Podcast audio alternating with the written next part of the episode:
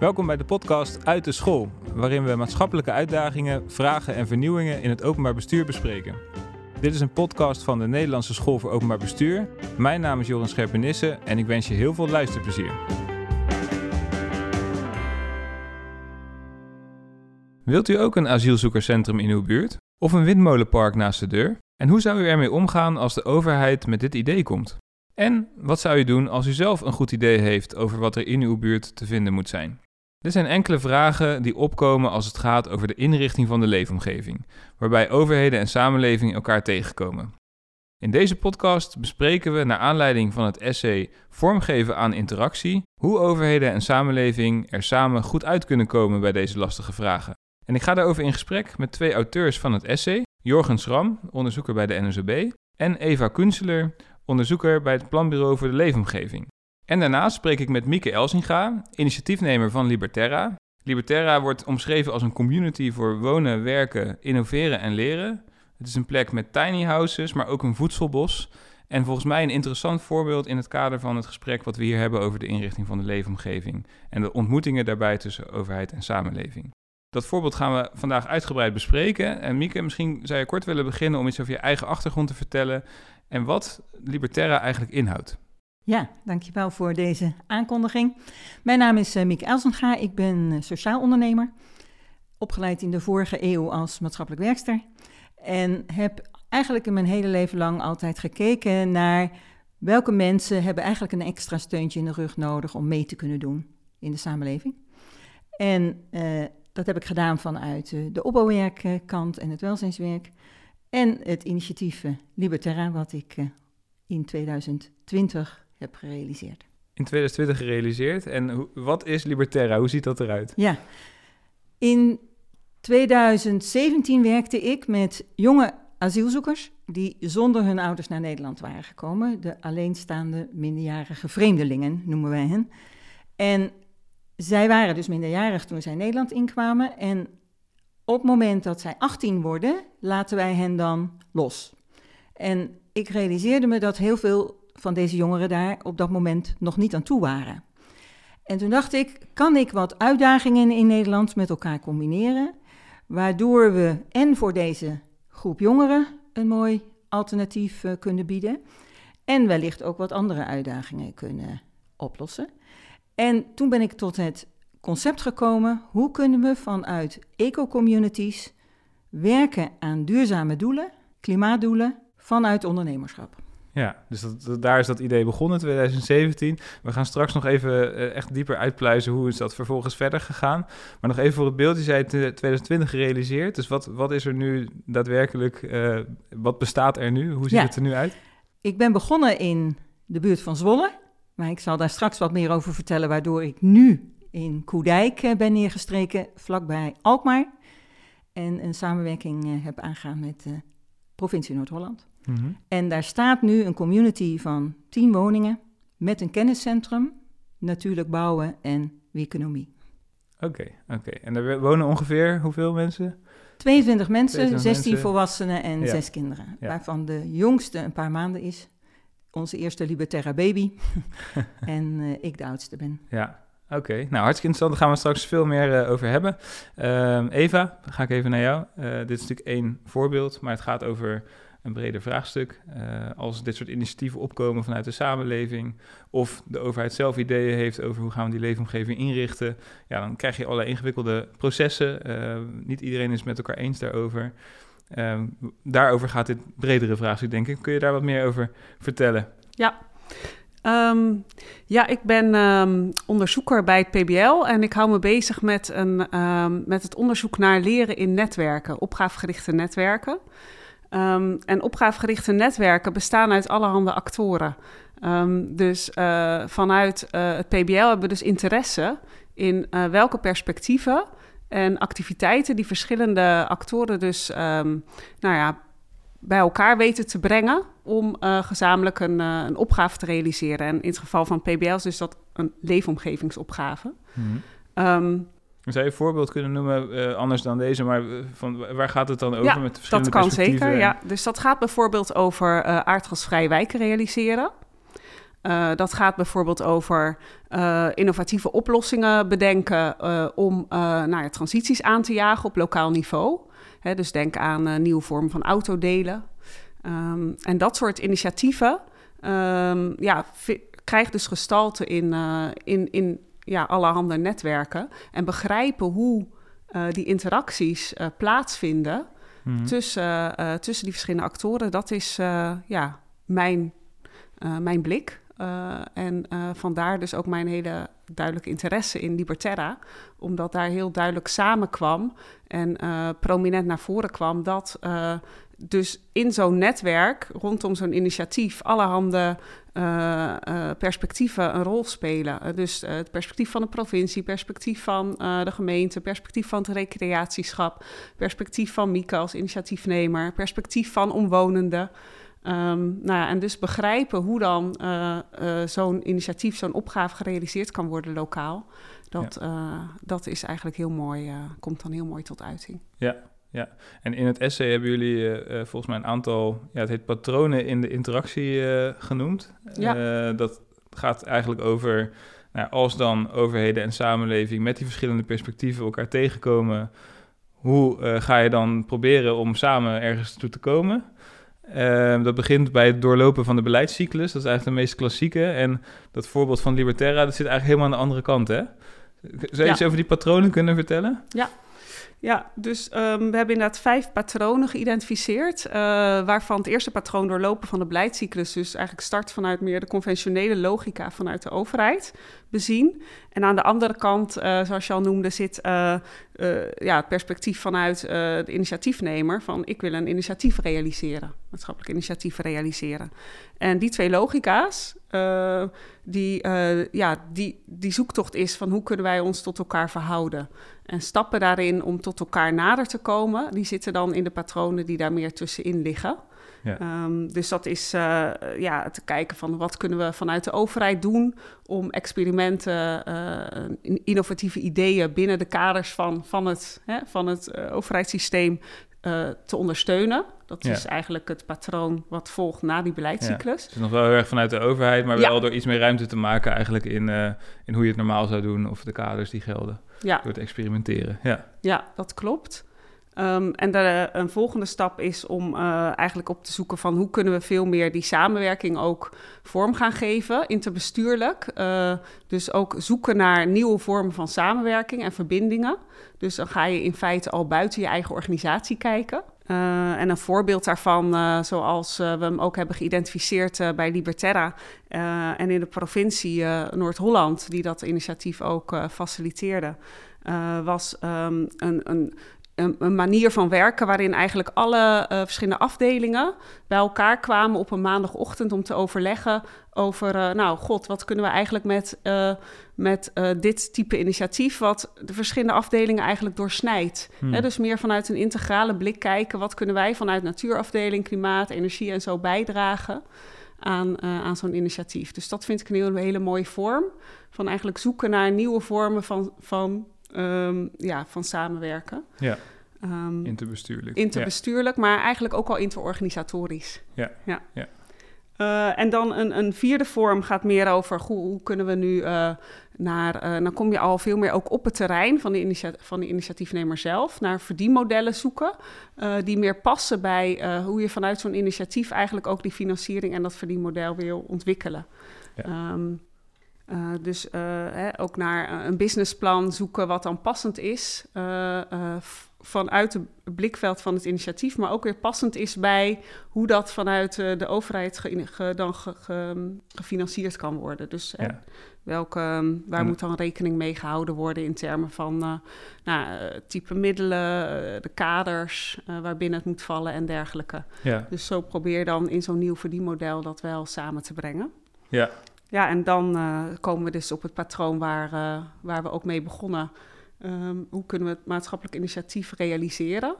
Uh, en dat is in feite vanuit de overheid best een flinke stap om daar te komen, omdat je dus veel meer de, de, de, de buiten, de, vanuit, vanuit de buitenkant kijkt naar binnen. Van wat is eigenlijk nodig vanuit het, meer het blikveld van het initiatief zelf? Mm -hmm. En hoe kunnen we dat vanuit overheidssysteem, dus binnenuit, faciliteren? Ja. Dus dan, dan redeneer je vanuit de overheid veel meer vanuit het initiatief. Ja, ja. ja, dat vind ik mooi aan die patronen. Dat je eigenlijk zegt van nou, je hebt verschillende vormen. En de ene keer is het vertrekpunt wat meer de, eigenlijk de reguliere beleidscyclus. Ja, Wat past binnen de eigen agenda van de overheidsorganisatie. En de andere keer, of, dan schuif je eigenlijk op naar meer samenwerken.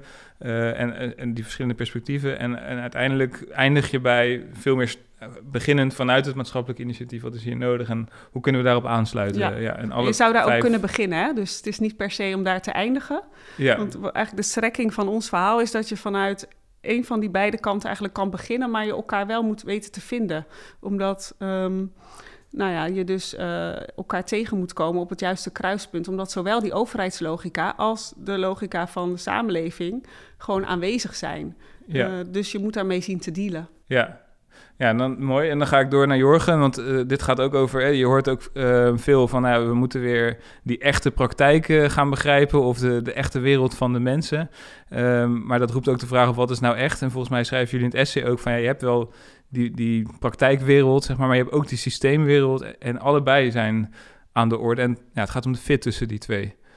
Dus ja, wat is dat, die vraag van wat is hier nou echt? Nou, er zitten natuurlijk heel veel puzzels in dit thema. En ik vind, er zit eh, wel een puzzel. De vraag, we beginnen ook het essay mee wat echt is. En, eh, het begint met een voorbeeld van een wethouder die stelt dat eh, de vraag dat hij weet wat echt is. En dat nou, bijvoorbeeld het planbureau voor de leefomgeving toch iets anders ziet, wat misschien wat minder echt is. Ehm, en die vraag laat zich wel problematiseren, omdat eh, dat vanuit elk perspectief is wat echt is, ziet er iets anders uit. Ehm, en wat ik interessant vind aan dit vraagstuk over de interactie tussen overheid en samenleving, is dat er, er zijn verschillende vormen van interactie. En eh, we gaan het nu zo meteen hebben over de casus libertaire, die op het eerste ook denk ik ook leest als je het essay leest. En zo meteen, nou, Mieke moet er iets over vertellen. Echt wel een succesverhaal is in zekere zin. Uh, en tegelijkertijd is het niet alleen maar um, nou, roze, uh, roze geur en maneschijn, zeg maar. Het, is alleen maar een, prachtig verhaal. Er zitten ook momenten geweest waarbij het wel spannend is geweest, waar ook strijd is geweest, waar ook um, nou, soms wel een soort gescheiden werelden zijn geweest. En we hebben ook in het essay hebben andere voorbeelden gezien waarbij die vormen van interactie, van strijd of van scheiding nog steeds aan de orde van de dag zijn. Ik denk dat nou, een thema als windmolenparken heel actueel is. Um, en, dat laat zien dat nou, scheiding en uh, strijd zomaar ook interactie kan zijn, waarbij je niet vanzelfsprekend samenwerking tussen de overheid en uh, bewoners. Dus het zal, zal je maar gebeuren als je in je achtertuin in één keer geconfronteerd wordt met een windmolenpark. Waarschijnlijk wel binnen de norm van 150 meter afstand en dat allemaal netjes uh, in, in, acht houdend. Maar het staat er toch maar wel. Je kijkt er wel elke dag naar en je hoort misschien ook wel het gezoem, ondanks dat het aan alle voorwaarden voldoet. Um, um, en daarom is ook de vraag van wat echt is, of wat iemand voelt of ervaart, is heel ingewikkeld om dat met elkaar uh, te vergelijken. Hoe, het ene moet afgewogen worden tegen het andere. Um, en daar vind ik ook draait dit essay om. Dus vanuit verschillende perspectieven kijken naar hetzelfde vraagstuk. Kan je jezelf ook toestaan om die, nou, we spreken over die ambiguïteit rond deze vraagstukken uh, te laten zien. Um, en ook de, nou, de um, nou, niet zeggen als onderdeel van de oplossing, maar wel als onderdeel van hoe ziet dit vraagstuk eruit. Ook kunnen toestaan dat wat voor de ene een oplossing kan zijn, voor de andere het begin van een probleem kan zijn. Dus waar de ene, nou, zie je nou bijvoorbeeld rond die windmolenpark nogmaals. Waarbij de ene gemeente zegt, we hebben nu een windmolenpark gerealiseerd... waar onze inwoners en onze gemeente enorm van profiteert, blij mee is. Kan zomaar voor de nabijgelegen of, uh, buurgemeente zomaar een probleem zijn... omdat die inwoners er overlast van ervaren. Nou, zo zijn er nog wel meer vraagstukken. Je begon ook je verhaal over de asielzoekerscentra. Ook denk ik ook een heel inter uh, interessant thema. Ja, we leven nou eenmaal in, in, een land als Nederland wat dicht bevolkt is, de ruimte beperkt. Dus die leefomgevingsvraagstukken, ja, dat is nog wel een thema. Er zijn veel meer ambities dan de, dat we ruimte hebben om het allemaal mogelijk te maken. Ja, toch? en wat voor de ene de oplossing is, is voor de andere het begin van de kwestie. En uh, wat de ene zegt dat is geen probleem, kan de ander wel als een groot probleem ervaren. En er zit ook iets in wat nou, de, uh, ingewikkeldheid iets als professionele kennis tegenover ervaringsdeskundigheid, uh, gevoel, emotie, uh, vaak bij dit soort thema's gepaard. Ja. Um, dus het is ook wel ja, iets meer laags dan dat je het op het eerste ook misschien denkt, goh, het, is, het gaat hier wel goed of het gaat hier niet goed. Ja, oké. Zullen we die casus dan eens uitpakken en dan kijken naar waar het spannend werd en, en wat we daar ook wel uh, uit kunnen leren? Uh, Mieke, dan kijk ik eerst weer even naar jou. misschien kun je ons meenemen weer even naar dat begin. Dus ja, wa waar begon dit voor jou eigenlijk? En ben ik heel benieuwd, ja, wat ben je toen gaan doen en wanneer kwam je de overheid tegen? Ja, zoals ik net zei, werkte ik dus met jonge vluchtelingen. En op een gegeven moment kwam er een challenge langs in een van de provincies in Nederland, waarbij we met een wildcard een wild idee uh, konden introduceren. Oké, dat vind ik leuk. Het begon met een wild idee. Het begon met een wild idee. Dus ik dacht, nou, laat ik dan eens kijken van of ik behalve het thema wat ik zelf had, namelijk die jonge vluchtelingen, of er andere problemen, uitdagingen in Nederland zijn, waarbij de uitdaging van de een de oplossing van de ander kan zijn. Nou, ik ben begonnen in 2018 en heb toen al geconstateerd van, en dat is alleen maar actueler geworden, van dat er boerderijen vrijkwamen, omdat ouders dat al generaties lang deden, zeg maar. En de kinderen zeiden, ja, dat ga ik niet doen, zeven keer 24 uur uh, werken. Zeker niet met intensieve veeteelt, want er zijn allerlei nieuwe ideeën over gebruik van grond. Dat was het tweede onderdeel. Een grote uitdaging op biodiversiteit. Heel veel landbouw in Nederland was en is nog steeds uh, monocultuur. Dat houdt in grote stukken land uh, met één gewas, wat met pesticiden wordt uh, behandeld, terwijl er mogelijkheden zijn om richting natuurinclusieve landbouw, strokenlandbouw, voedselbossen zaken te doen. Op dat moment waren natuurlijk ook al de duurzame doelen actueel, Sustainable Development Goals, en de klimaatdoelen. En hadden we al een huisvestingsvraagstuk, ook voor deze vluchtelingen, maar eigenlijk voor veel meer doelgroepen. En ik als sociaal ondernemer had zoiets van: ik wil heel graag een plek realiseren waar mensen die hier komen wennen in Nederland kunnen wonen, leren en werken op één plek. Nou, dus die zes items, vijf items heb ik bij elkaar gehaald. Ik noem nu zes omdat ik eh, criminaliteit buitengebied later nog heb toegevoegd. Hmm. Want uh, in, met name in Brabant hebben we daar uh, echt enorm mee te maken. Door met meer mensen op een erf te gaan wonen, kun je ook criminaliteit wat meer beteugelen. Ja. Met die wildcard ben ik mee gaan doen met, een, met die challenge. En in ronde vier kreeg ik te horen: Miek, je hebt een fantastisch idee, maar we gaan het niet laten winnen. Ik zeg, oh, vertel, wat, daar zit een beetje een spanning in, hè? Fantastisch idee en niet laten winnen. Ja, want wij als overheid, want de provincie had die challenge uitgeschreven, wij weten niet waar wij jou moeten onderbrengen. Want jij hebt een integrale benadering van een aantal problemen en wij werken sectoraal. En dus dan moeten we of kiezen, is dit iets met landbouw, is dit iets met vluchtelingen, is dit iets met water, is dit iets met uh, leefbaarheid, is dit iets met biodiversiteit. En daar kunnen we eigenlijk niet mee uit de voeten. En nou, dat was natuurlijk een grote teleurstelling van dat de overheid aangaf van... Uh, ja, we vinden het een fantastisch idee, maar we gaan het niet doen. Ja. Ik kijk ondertussen dan even naar Eva en Jorgen. Even misschien voor ondertiteling. Wat, dit is, hè, dat is interessant, hè? Dus je hebt zo'n initiatief vanuit een idee... een aantal ideeën die je mooi samenbrengt. En dan past het toch niet in het juiste hokje. Is dat herkenbaar? Jullie, ja, volgens mij willen jullie allebei antwoorden, maar ik ja. kies maar even wie dat wil Veel oppakken. Veel staan zo, hè, Jorgen?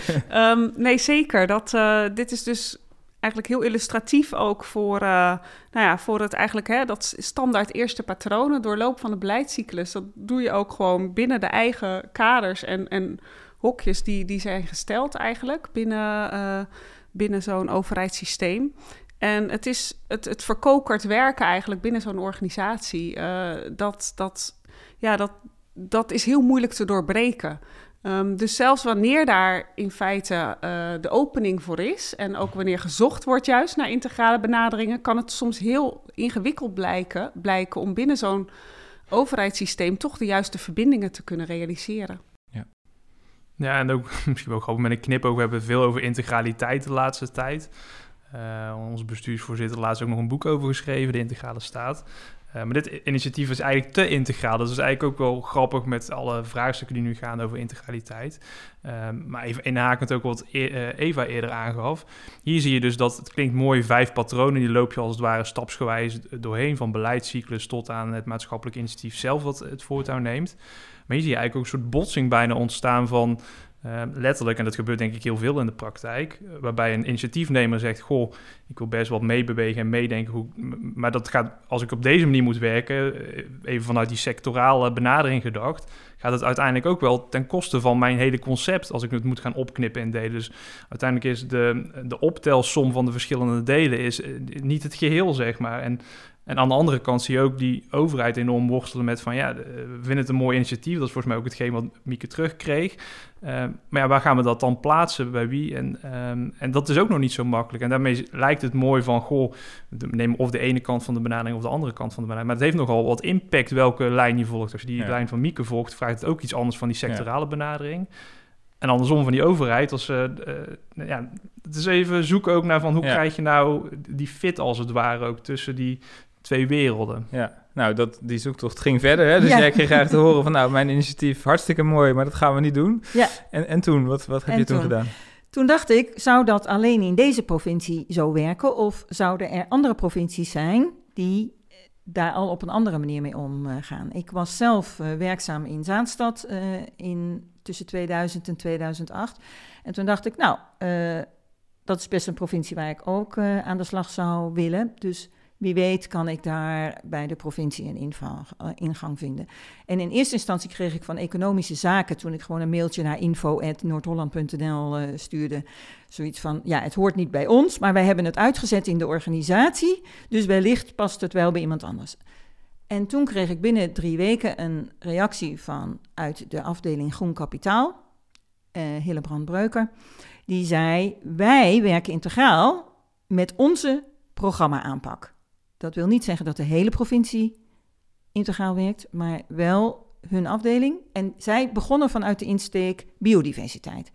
En biodiversiteit koppelde zij ook aan leefomgeving en water en niet zozeer wonen op dat moment, want wonen is toch, toch nog weer een beetje een vreemde eind in de buit, maar natuur, milieu, uh, water, stikstof, dat paste daar allemaal wel in. Dus ik ben met hem in gesprek uh, gegaan en eigenlijk zaten we elkaars idee uit te leggen, dachten we. Hè? Want we, sloten enorm aan op elkaar. En diezelfde middag heeft hij mij in contact gebracht met het recreatieschap Geestma Ambacht, waar hij vanuit zijn functie eh, had een behoorlijk overzicht over welk land beschikbaar is binnen de provincie.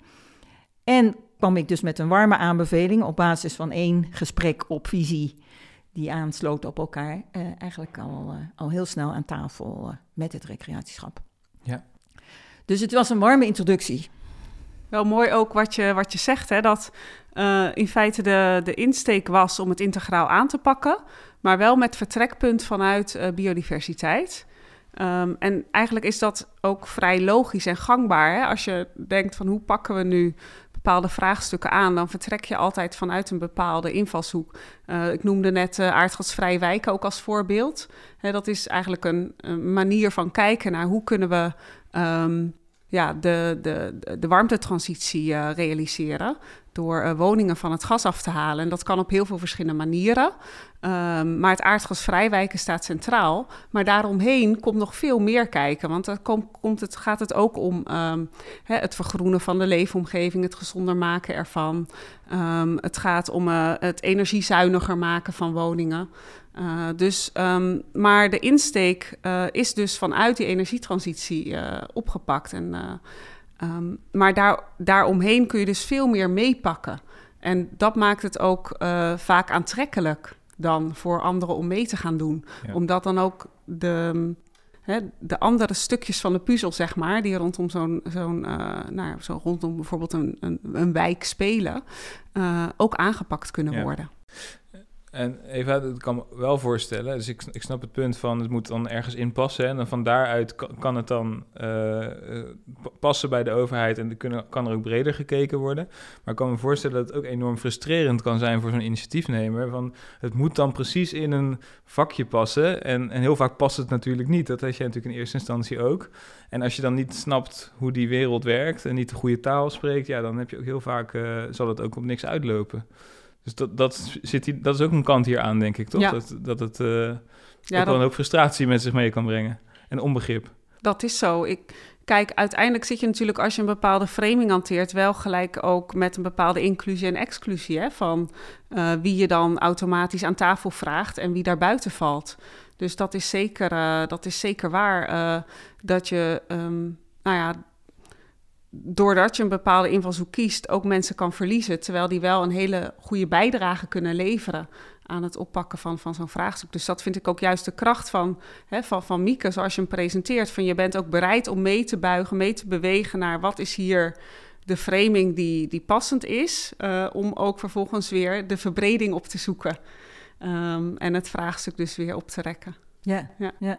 Nou, dat was dus ook inderdaad, jij zei net, uh, Jorgen, ook van uh, dingen kunnen ook te integraal. Want tijdens mijn zoektocht ook wel uh, helder werd, op een gegeven moment was van dat je vanaf beide kanten moet meebewegen. Dus nou, het, het recreatieschap heeft een terrein op een voormalig boerenerf, zeg maar, waar zijn boerderij had staan. En zij wilden dat tijdelijk wel aan ons beschikbaar eh, stellen, maar hadden ook zoiets van: ja, maar daarvoor gaan we dus de boerderij slopen, want dan zijn wij tenminste verantwoordelijk voor ook het afval en, uh, en de vervuiling die daarmee ja. Eh, te maken heeft. Ja, dit is eigenlijk ook de volgende stap in jouw verhaal, toch? Ja. Je kwam uit het recreatieschap en dit was eigenlijk het verhaal. Als je dat is het verhaal, ja. ja. En vervolgens gingen zij toch die, die gebouwen slopen, terwijl Liberterra gaat over het herontwikkelen van een boerderij. Of het opnieuw gebruiken van een boerderij en verduurzamen van de boerderij. En toen kwam ik dus voor het vraagstuk zo van, ja, ga ik nu zeggen, nou, recreatieschap, uh, nou, dan ga je mijn concepten dus uh, aantasten, dus ik doe niet meer mee. Waarop Hillebrand dus tegen me zei, Miek, je kan het ook anders aanvliegen. Je kan ook zeggen, het gaat niet over het herontwikkelen van een boerderij, het gaat over het herontwikkelen van een boerenerf. En nou ja, dat is dus dan dat meebewegen. En wat heel belangrijk eh, was, is van dat zij zeiden: ja, wij hebben rond vluchtelingen eigenlijk al allerlei andere oplossingen in onze gemeente, maar wij hebben heel veel behoefte aan een inspiratieplek rond recreatie en educatie rond duurzaamheid. Zou je daar in je concept dan niet iets mee kunnen? Nou, duurzaamheid stond ook hoog op mijn lijstje. Dus vandaar dat er nu uiteindelijk tien woningen staan en een kenniscentrum, natuurlijk bouwen, waarin we dus laten zien van dat je op een, met duurzame materialen kan bouwen. En economie, dus dat je ook een bijdrage aan het gebied en de gebiedseconomie kan leveren. Ja. Nou wat ik ook wel interessant, misschien kan Mieke iets over vertellen. We waren natuurlijk als onderzoekers vanuit PBL en de NSB waren we op zoek in dit essay telkens op een soort twee niveaus. Enerzijds op het casusniveau, bijvoorbeeld Liberterra, we hebben nog een aantal andere casus bekeken. En telkens op een soort nou, systemisch niveau of systeemniveau van wat, wat voor patronen liggen hier nou onder. En uh, een van de dingen die mij, voor elk onderzoek hou, hou je iets bij, maar uh, een van de termen die me ergens bijgebleven, die, uh, daar kan, moet Mieke maar iets over vertellen, was de term professionele verliefdheid. En uh, die gebruikte Hillebrand vanuit, de gemeente, of uit de provincie Noord-Holland. En Mieke gebruikte die vaak ook om hem iets te vertellen over hoe zij samenwerkt. En het klinkt vaak heel makkelijk van een soort, we hebben elkaar ontmoet of dat ging toen zo. En achteraf vertelt het dan bijna als een soort van logisch verhaal, succesverhaal. Maar er zit ook heel veel ja, effort aan de voorkant in van hoe ontmoet je elkaar eigenlijk. En dat vind ik ook een heel interessant vraagstuk rond dit thema. Van vaak klinkt als een soort toevallige ontmoeting, maar er zit natuurlijk allemaal aandacht en zorg in ook om die ontmoeting voor elkaar te krijgen. En misschien dat het leuk is als je daar ook iets over vertelt van waar zit dan die professionele verliefdheid en misschien ook wel de vraag van wanneer zijn jullie professioneel verliefd geraakt, zeg maar. nou, eigenlijk was dat heel snel, eigenlijk in ons eerste gesprek.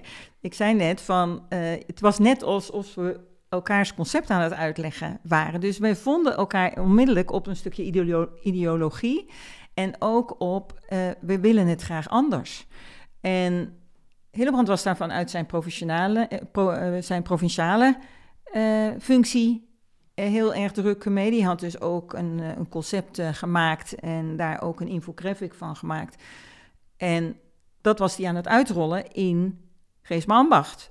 En toen kwam ik, die ineens twee van zijn vakjes van de zes ging invullen. Dus ja, dan, ben je, dan word je blij, hè? Dus, en hij had dat netwerk al in het waardoor hij mij heel makkelijk kon introduceren. En dat klinkt anders dan dat ik met een plaatje aan kom, uh, kom zitten. Dus, en daarnaast uh, denk ik dat we allebei bereid waren om naar, naar elkaars perspectief uh, te luisteren. Hij vanuit de overheid en ik vanuit mijn sociaal ondernemerschap en betrokkenheid bij, ja, ik wil voor bepaalde groepen mensen die niet vanzelfsprekend meedoen, een, een waardevolle leefomgeving creëren. En dat resoneerde ook met, met zijn mensbeeld. Ja, Ik denk dat het heel erg over mensbeeld ook, uh, ook ja. ging. Ja, dus jullie vonden elkaar op de ideologie en op dat idee van het ideaal eigenlijk van wat je wilde neerzetten. Tegelijk als je dan kijkt naar het oorspronkelijke idee wat je had, wat je wilde neerzetten en wat het geworden is, is het echt behoorlijk opgeschoven. Ja. Je, je noemde dat meebewegen, maar dat ik kan me voorstellen dat het nou, best spannend is. eh, van, eh, past het dan nog wel bij mijn Ja. ideaal en eh, wat ik wilde Ja. bereiken? Dus heb je ook overwogen op een gegeven moment van ja, dit, dit ga ik toch, dit ga ik niet doen of dit gaan we Nou, anders doen? Weet je, een, een weg naar een stip op de horizon loopt meestal niet van A naar B via een rechte lijn.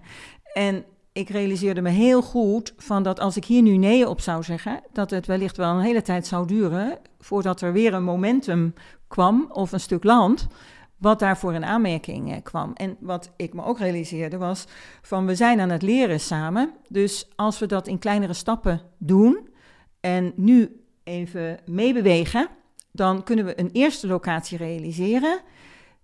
Dan ook aan andere overheden laten zien en andere initiatiefgroepen laten zien van het kan. En dan uiteindelijk werken naar dat ideaal. En nou, mijn ambitie is dus ook om meerdere locaties te ontwikkelen. Ik heb zelfs de ambitie nog gehad om 100 Liberterra's neer te zetten. Nou, die heb ik inmiddels laten vallen, omdat ik geen nieuwe eh, dogma's wil eh, creëren, maar dat wij nu het uitgangspunt hebben met het platform Liberterra om minstens 100 initiatieven te begeleiden in hun zoektocht met de overheid, om samen toch tot iets te komen waar die win-win-win eh, uit voortvloeit. En dat gaat stapsgewijs, weet je. En soms moet je even een stapje terug om weer met een aanloopje de volgende ronde te kunnen gaan doen. Ja. Ja, dus het is, ja, je weet het volgens mij mooi te zeggen, en, maar het laat ook wel zien hoeveel vernuft je hebt of hoeveel Ja. gevoel je hebt voor hoe, hoe dat bestuurlijk werkt. Hè. Dat zal voor heel veel initiatiefnemers natuurlijk mi- minder snel geld. Dus nou ja, misschien dat die begeleidende rol daar ook een rol in kan eh, spelen. Maar misschien ook voor jullie weer de ondertiteling van ja, wat, wat halen jullie, wat voor lessen kun, je hier nou uithalen hè, als, je dit, als je dit verhaal hoort? Want het is redelijk uniek, denk ik, dat je het zo, dat je het zo weet vol te houden en dat je ook ja, die flexibiliteit eh, weet te vinden. Ja. Dus is dit nou echt een uitzondering? Of, of zeg je van, nou, dit, dit, zou ik wel, dit zien we ook wel wat meer structureel? Ja, ehm, nou ja, wat je dus eh, heel sterk eh, ziet uit dit verhaal is eh, het willen en kunnen verplaatsen in elkaars logica. En dat is wel echt de kracht, denk ik, van, van nou ja, de samenwerking die hier heeft plaatsgevonden. Ehm, ja, ik denk dat je het ook op heel veel andere plekken wel ziet. Maar ehm, het hangt dus ook gewoon samen met ja, meer zachte factoren. Dus elkaar kunnen vinden in de relatie en het vertrouwen kunnen opbouwen. Hè, elkaar ook ehm, nou ja, gewoon weten te vinden op persoonlijk vlak. Ook wat jij zei, Mieke, er was gewoon een klik. Ehm, en eh, daarnaast ook eh, meer de harde factoren van... eh, er moet wel een structuur zijn, zoals een programma... Er moeten middelen zijn, er moet grond zijn, er moet uh, nou ja, een uh, vergunning uh, beschikbaar kunnen, gesteld kunnen worden. Dus al dat soort zaken moeten wel samen kunnen komen. Um, ja, en dat is toch altijd weer maatwerk om dat gerealiseerd te krijgen. Dus um, ja, het, het, kunnen inspelen op, op die verschillende factoren en die ook op het juiste moment samen weten te brengen. Ik denk dat je heel goed aangevoeld hebt inderdaad van als ik nu het momentum niet pak, wie weet hè, wanneer het volgende moment komt dat er weer grond beschikbaar is. Dus dat soort, dat soort zaken. Ik denk wel dat je daar, um, nou ja, ook met dit essay, dat we daar wel inzicht in, in verschaffen. Wat dan een aantal van die factoren dus kunnen zijn, zodat je daar ja, ook als, als initiatiefnemer en als overheid ook wel dat bewustzijn van krijgt. Van goh, om elkaar te kunnen vinden, hebben we dit wel nodig. Ja. Nou, ik vind inderdaad, inderdaad die zachte factoren, of de, de, de sociale kant zou je kunnen zeggen. Inderdaad, die andere kant, die harde factoren. Hier is echt wel mooi de perspectiefwisseling. Dus ook inderdaad Hillebrand die zich echt wel geprobeerd heeft te verplaatsen. En ook in dit geval Jasper, denk ik, destijds als wethouder en voorzitter van het recreatieschap. Van wat betekent dit nou voor Mieke? En tegelijkertijd ook ingewikkelde gesprekken met elkaar voeren. Misschien dat je daar ook zo met iets over kan vertellen. Over um, waar ligt de grens? Wat kunnen we nog wel doen en wat niet? Wat is voor ons een, uh, nou, ook een no-go? En Um, en daar liep je ook soms tegen bepaalde dingen aan, als van, nou, nou, we hadden het net over vergunningen of over, het moet ook gewoon een business case zijn, het moet uitlegbaar zijn. Ik vind zelf, het gaat ook vaak over de kleine voorbeeldjes, kleine verhaal. Ik vind de riolering, de aansluiting, vind ik zelf een heel mooi verhaal, omdat het heel treffend laat zien. Het zit vaak ook in, nou, je moet de casus denk ik soms even wel uitleggen, het voorbeeld. Ja, doe maar gelijk dan, wat, ja. wat was er met de riolering aan de hand? Vertel. Met de riolering? ja. Nou, wat, uh, aan beide kanten ben je dus aan het zoeken, hè, van uh, uh, dat wij wilden een initiatief neerzetten met heliofietfilters en niet aangesloten worden op het riool. En wij, het was mijn eerste eh, casus en op een gegeven moment kom je op bij een watertoets eh, uit en eh, nou, in die watertoets leek het allemaal te mogen om inderdaad niet op het riool aangesloten te worden. Vervolgens kwamen we in het hele vergunningentraject uh, terecht. En de ambtenaar ruimtelijke ordening enthousiast, de ambtenaar vergunningen enthousiast. En die moesten intern dat toen ook nog weer even aan andere collega's voorleggen. Uh, en na acht weken traject in de kader van de kruimelregeling, om tijdelijk te kunnen afwijken van het bestemmingsplan, bleek dat er een ambtenaar zei van, goh, realiseren jullie je van dat dit initiatief plaatsvindt op een voormalig boerenerf en dat er dus een aansluiting is met een rioolput en dat als het eerste huisje op 40 meter binnen die straal van die rioolput ligt, moeten wij als gemeente aansluiten. En daar kunnen we wel van afwijken, maar we weten niet precies wat daar de procedure voor is. Dus de vertraging zal wel een jaar zijn. Dus initiatief. En ik heb ongeveer de, de ambtenaar in kwestie, die zeer met ons meeleefde, ongeveer in tranen aan de lijn gehad. Dat ze zei: Miek, we dachten dat dit zo kon, maar het gaat niet. En wil jij toch aan je architect vragen om een soort rioleringssysteem op het terrein aan te leggen? En dan kunnen we er een klap op geven. Dus binnen twee dagen hadden we een nieuwe tekening met het riool, aanvullend op de vergunningaanvraag. En toen uh, was uh, dus binnen een week de vergunning rond. Maar zo zie je dat op het allerlaatste moment ook dan kennis van andere ambtenaren wegens die sectoren ineens boven water komt, terwijl dat dus bij afdeling vergunningen en afdeling uh, ruimtelijke ordening niet bekend uh, was. Dus, uh, ja, en Jorgen, jij haalde dit aan omdat het dan ook illustreert hoe, ja, hoe snel het eigenlijk mis kan gaan, toch? En, en op een detail Op een detail. En... Ja, en ik denk dat dat bij veel dit type casussen, dat het daar fout in gaat. En, of fout op gaat. En, en wat hier mooi is, wat, waarom ik denk dat... Het, uh, het een succes is uh, zoals het er nu is, het Libertaire, is omdat zowel aan de kant van Mieke als aan de kant van het recreatieschap en van de provincie en de gemeente telkens wel het achterliggend idee is geweest, of het, eigenlijk het voorliggend idee, hoe kunnen we zorgen dat dit initiatief gerealiseerd wordt? En vanuit die gedachte telkens gekeken naar wat er mogelijk nodig is, maar ook een soort ja, een soort harde eisen aangegeven van binnen deze kaders moet het wel plaatsvinden. En er zijn, uh, sommige kaders zijn misschien wat flexibel of hebben wat, kunnen wat meer ruimte in vinden om te kijken wat er mogelijk is om het wel door te laten gaan. Maar er zijn ook een aantal, noem het eisen of harde eisen van waar je wel aan moet voldaan of waar niet zoveel beweging in mogelijk is. Ja.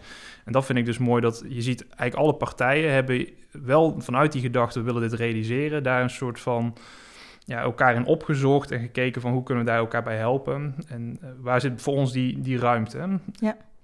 Nou, en waar de ruimte dus uiteindelijk in gevonden is, is we zitten met de urine, de keukenafval en het douchewater op het riool. En we hebben toch composttoiletten met een wormenhotel zeg maar. Waardoor we toch ook daar wel weer een compromis in hebben gevonden. Van de gemeente heeft daarmee voldaan aan hun, uh, hun eis. Wat belangrijk was voor het Wormenhotel was... Uh, weet je wat een Wormenhotel is trouwens? Nou, vertel maar. Ja. het is zo van dat uh, we natuurlijk wel vaak de composthoop kennen met elkaar... waar we ons keukenafval op neerleggen en composteren... zodat we dat vervolgens weer op de tuin doen. Maar voor menselijk afval moet je uh, toch zorgen van dat er wat andere processen nog plaatsvinden. En wormen spelen daar een hele belangrijke rol uh, in. Oftewel, van de, uh, de, ja, de vaste stof, noemen we dat dan netjes, hè?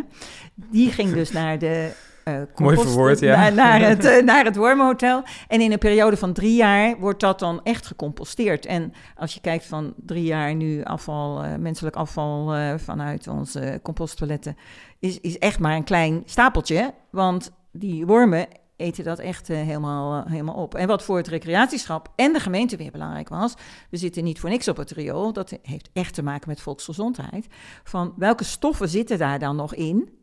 En kunnen we garanderen van dat dat geen probleem voor de volksgezondheid is. Dus vervolgens hebben wij weer met de gemeente afgesproken, oké, okay, we laten het onderzoeken. En pas na dat vastgesteld is welke stoffen er nog in zitten, gaan we het verwerken. En nu drie jaar na dato zijn er eigenlijk de eerste uh, ja, eh, complete composten vanuit Ja. eh, Ja. dit eh, traject. Ja. Dus, maar goed, Ja. waar het dus echt over gaat, is van dat wij ook als community moesten zeggen van, goh, gaan we of een jaar vertragen om aan ons idee vast te houden, of gaan we binnen drie dagen onze architect eh, vragen om, eh, Ja. om een nieuw plan in eh, te leveren, waardoor we door konden. En daar zat ook nog iets heel praktisch in. Een aantal mensen hadden hun huis al verkocht, omdat we er gewoon, het, het, het verliep zo heerlijk, zeg maar. Niemand had erop gerekend dat dit nog zou plaatsvinden op het laatste moment. Dus nou ja, we hadden er allemaal wel een beetje buikpijn van. Maar weer met vanuit het idee, we gaan hier samen uitkomen. Ja. En gaan vervolgens kijken, wat als we er dan weer eenmaal zijn, wat er dan, waar, waar dan de rek zit en waar we elkaar dan in kunnen vinden. Ja, ja dat, dat zoeken naar waar zit de rek, dat met elkaar meebewegen, dat, dat komt wel heel helder hier naar Ja. voren. Hè? Dat is jullie verhaal en je verdiepen in elkaars perspectieven.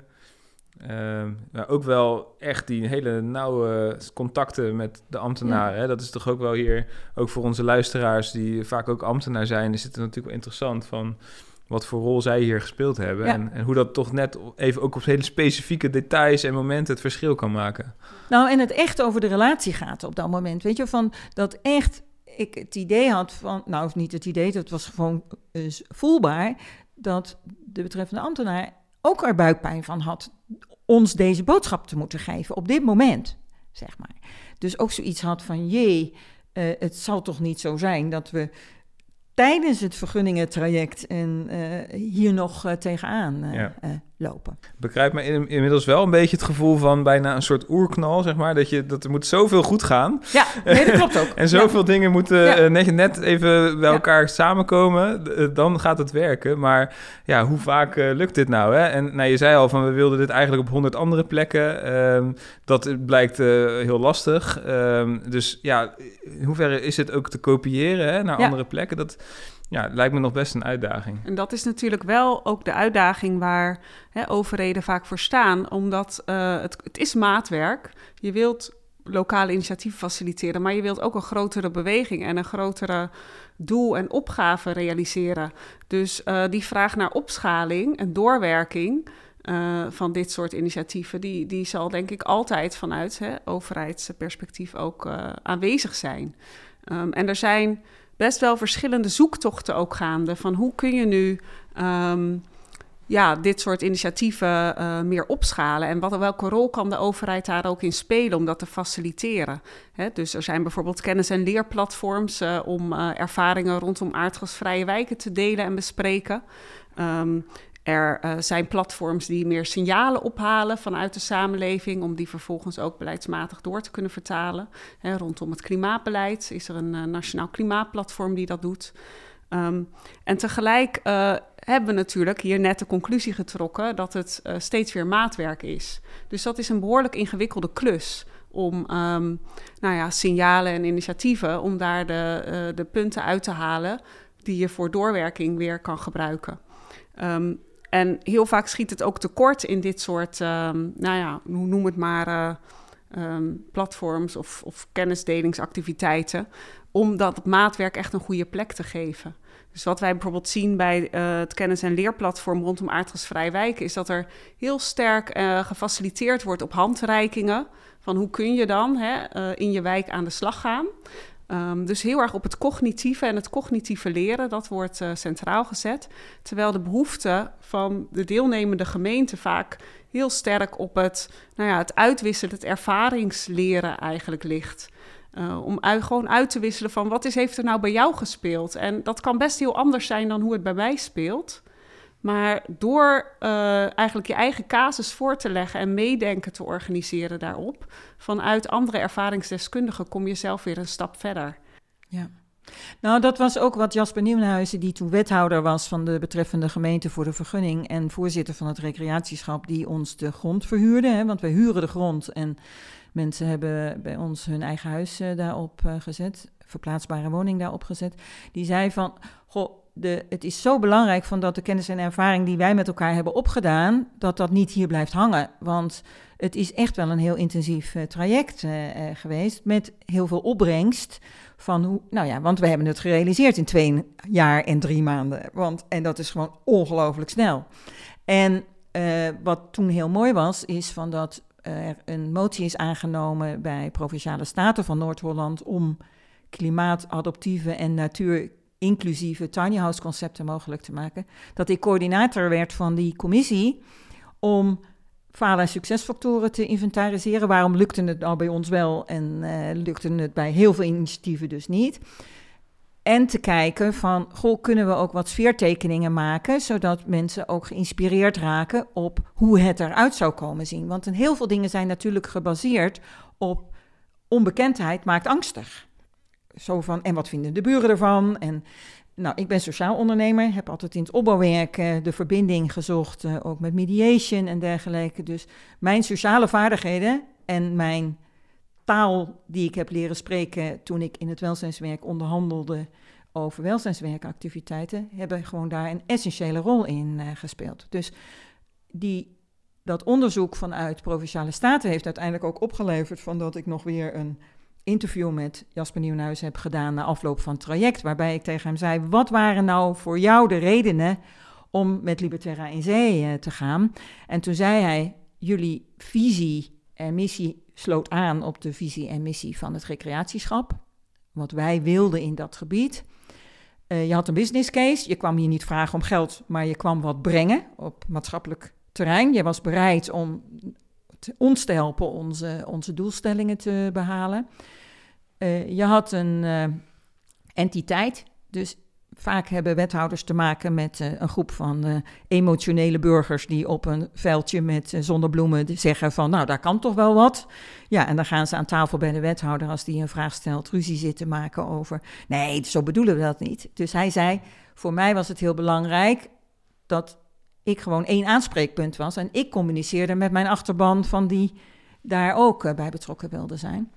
En wat uiteindelijk ook wel een belangrijke bleek was mazzel. In de zin van dat er land beschikbaar is. Want ik heb nu eigenlijk altijd de landeigenaar als uitgangspunt. En samen met de landeigenaar maak ik een plan. Aansluitend op de wensen van de landeigenaar. En daarmee gaan we naar de overheid. Want dan heb je al, zeg maar, uh, die connectie. En een hele, eigenlijk bijna parallel lopende stap is samen kijken met de buren. Wat de buren van die ideeën vinden. Want die hebben dan misschien toch liever dit in de achtertuin dan een windmolenpark. Oké, okay, dat kan ook wel. Medestanders, ja. Mooi. Nou, zo'n mooie uh, rijtje, denk ik, zo succesfactoren die daar een rol hebben gespeeld, maar ook op andere plekken. Dus eigenlijk een heel mooi bruggetje naar mijn laatste vraag, want we moeten het gesprek alweer gaan afronden. Namelijk, ja, wat zijn nou een soort lessen die we hieruit kunnen halen? Nou, Mieke, je hebt er al een aantal heel mooi genoemd. Uh, dus ik kijk nog even naar Jorgen en Eva. Misschien hebben jullie nog laatste ja, dingen om mee te geven ook aan onze luisteraars hierover. Nou, is misschien wel leuk, even als jij zo meteen door de vijf lessen die we aan het einde opzommen heen zou willen gaan. Ik wil er één ding nog uitlichten, wat misschien wat minder in dit gesprek zit, maar wat ik ook wel echt... Ik had net over die verschillende niveaus van kijken uh, zit. En die drie verschillende vormen van interactie. Dus we hebben het hier heel erg over samen. De casus lijkt in eerste instantie van Libertair heel erg over samenwerking te gaan. Terwijl ook in deze casus zat, zat de periodes van strijd en van scheiding. En dat vind ik wel, dat is een van de lessen die ik in ieder geval heb geleerd in dit onderzoek, is dat het zijn ook momentopnames. En uh, we hadden net al even over die context is heel belangrijk. Maar dat betekent ook dat wisselingen in die context enorm bepalend kunnen zijn voor hoe iets loopt. Uh, en daarom is het natuurlijk interessant op het moment dat we het essay schreven, we zijn inmiddels weer nu een aantal maanden verder, kan zomaar zijn dat die interactievorm weer veranderd is en weer een soort nieuw verhaal zit, omdat de mensen veranderd zijn, de omstandigheden zijn veranderd, misschien eerst wel een andere politieke wind.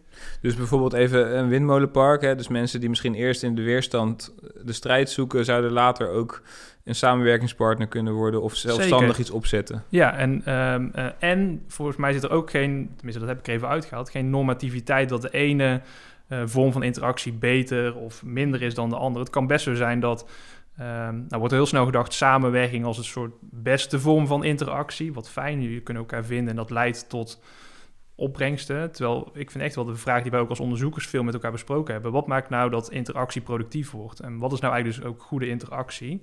En daarbij komt eigenlijk wel, of laat het zien dat um, samenwerking een vorm is die kan leiden tot productieve interactie en dus opbrengsten van zo'n project. Maar het kan ook heel goed zijn dat gescheiden werelden eh, ook een enorm waardevolle, efficiënte en effectieve manier is om doelen te realiseren in de leefomgeving. Of nou, strijd aangaan kan juist ook helpen om scherpte te zoeken en te kijken van, goh, wat is er nodig? Waarbij er ook nog een soort van tijdsdimensie in zit. Dat op het ene moment samenwerking kan helpen. Maar een volgend moment nog een keer even kritisch naar elkaar kijken. En misschien juist wel de degens kruisen. Net zo goed kan helpen om een initiatief verder te brengen. Of om een leven, leefomgevingsvraagstuk op, uh, op te lossen.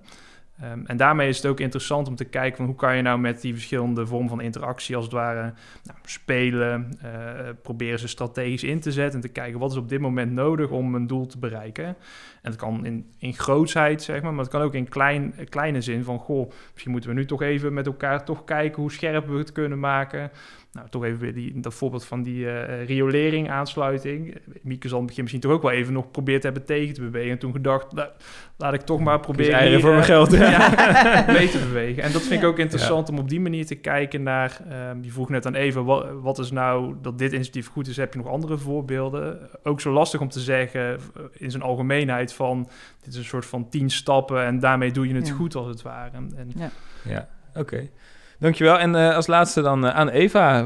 Welke boodschap wil jij meegeven nog? Ja, nou ik denk dat je... We hebben vijf lessen geïdentificeerd en je hebt ze eigenlijk al heel mooi samengevat. Um, ik noem ze nog even kort. Dus uh, les 1 van kies welke vorm van interactie passend is. Samenwerking, scheiding of strijd. En ook op welk moment in, in, de, in het proces. Twee is van, nou wees dus bewust van in welk patroon je eigenlijk aan het werk bent. Uh, dus dat kan best wel variëren. Ook afhankelijk van uh, vanuit welke logica je start natuurlijk. Uh, drie, nou, productief maken van, van de interactie vraagt echt om inzet van beide, beide zijden. Hè, om elkaar, elkaar ook te vinden in, uh, in de, uh, het, nou, het samenbrengen zeg maar, van, uh, van realiseren van zo'n opgave. Ja, zijn al die kort, kleine contacten, momenten van, van Mieke met ambtenaren, die, ja, die hebben dat mooi geïllustreerd, denk ja, ik. Ja, om de, die verbinding te zoeken inderdaad. Ja. Uh, vier van, let ook, ja, vanuit de overheid, wees je ook bewust van dat er heel veel, um, nou ja kan gebeuren bij initiatiefnemers zelf. Dus accepteer ook dat uh, initiatiefnemers daar een grote rol in kunnen pakken. Dus niet alles in detail uit hoeven werken of controleren. Hè. Uh, soms zie je nu... Vertrouwen. Vertrouwen, heb daar vertrouwen in inderdaad. Uh, en vijf, ook bij initiatiefnemers, van accepteren ook dat er vanuit de overheid nou ja, bepaalde kaders nou ja, leidend zijn. En uh, nou ja, kijk in hoeverre je daar dus ook op aan kunt passen om in het initiatief uh, daaraan tegemoet te komen. Dus die vijf lessen die hebben we getrokken. Um, die zijn ook meer algemeen geldend, zou ik, zou ik willen zeggen. Bijvoorbeeld als je ook nu kijkt naar, naar de energietransitie, zie je natuurlijk een hele beweging van regionale energiestrategieën en hoe dat allemaal lokaal gestalte moet krijgen. En ik denk dat daar nog echt een wereld te winnen is aan, aan het echt elkaar weten te begrijpen en elkaar weten te vinden vanuit de overheid, die echt die strategieën ook uiteenzet, dat ook op participatieve manier wil doen. En initiatiefnemers, zoals ook energiecoöperaties, uh, landeigenaren die ook met de beste bedoelingen um, nou ja, zonnepanelen of windmolens en dergelijke willen installeren. Um, en elkaar weten te vinden daarin, dat is volgens mij de belangrijkste les die we, die we hier uh, in dit essay trekken. En met die boodschappen en lessen uh, sluiten we dit gesprek af. Dus ik wil jullie hartelijk danken uh, voor het mooie gesprek. En uh, aan de luisteraars natuurlijk tot de volgende keer. Je luisterde naar een podcast van de Nederlandse School voor Openbaar Bestuur. Wij publiceren regelmatig over maatschappelijke vraagstukken en vernieuwingen binnen de overheid. Benieuwd naar meer van ons werk of onze opleidingen? Kijk dan op onze website, volg ons op LinkedIn of abonneer je op de nieuwsbrief. En blijf natuurlijk luisteren naar Uit de School.